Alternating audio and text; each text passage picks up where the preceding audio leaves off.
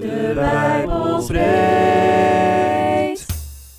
Vandaag gaan we het hebben over heilig leven leiden. De Heere sprak tot Mozes, spreek tot heel de gemeenschap van de Israëlieten en zeg tegen hen, heilig moet u zijn, want ik, de Heere, uw God, ben heilig. Staat in Leviticus 19, vers 1 en 2. We komen heiligen voor het eerst in het Oude Testament tegen, waar de Israëlieten heiligen moeten zijn en ook zo worden genoemd. Nu kregen ze deze kwalificatie niet omdat ze helemaal zonder fouten waren, of omdat ze zich enorm inspanden om goed te leven, maar omdat de Heere God ervoor had gekozen om hem af te zonderen van de andere volken op de aarde. Het Hebreeuwse woord heilig is kodesh. Het betekent niet volmaakt, rein of zonder zonde, maar apart gezet voor een speciaal doel. Dit houdt echter niet in dat je als een heilige zo kunt leven als je zelf maar wilt. De Bijbel benadrukt met dit woord dat iemand bijzonder is, doordat hij door God apart is gezet. Zo was binnen het volk Israël de stam Levi afgezonderd voor God en Aaron weer uit de Levieten als hoge priester. Maar ook worden de engelen soms heiligen genoemd. Ik lees met jullie uit Colossense 3, vers 1 tot en met 6. Als u nu met Christus uit de dood bent opgewekt, streef dan naar wat boven is. Waar Christus is, zit aan de rechterhand van God. Richt u op wat boven is, niet op wat op de aarde is. U bent immers gestorven en uw leven ligt met Christus verborgen in God. En wanneer Christus uw leven verschijnt, zult u ook samen met hem in luister verschijnen. Laat dus wat aards is in u afsterven: ontucht, zedeloosheid, hartstocht, lage begeerte en ook hebzucht. Hebzucht is afgoderij. Want om deze dingen treft Gods toorn degenen die hem ongehoorzaam zijn. Aan de andere kant zijn alle gelovigen heiligen.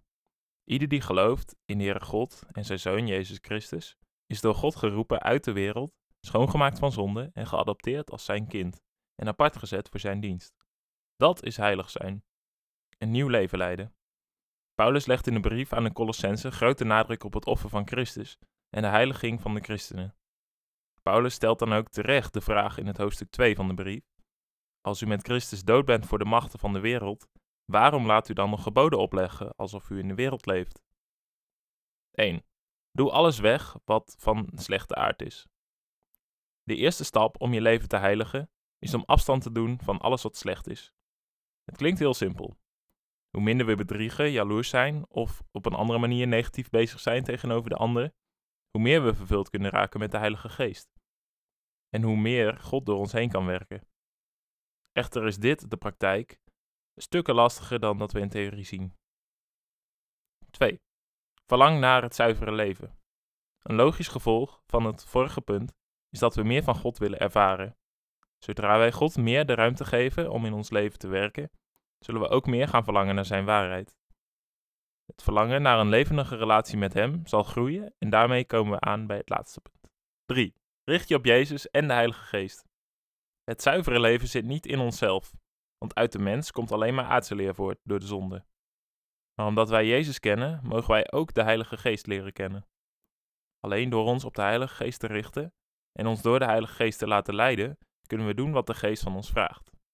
Niet uit onszelf, maar omdat Jezus de wet van God in ons heeft vervuld door zijn dood.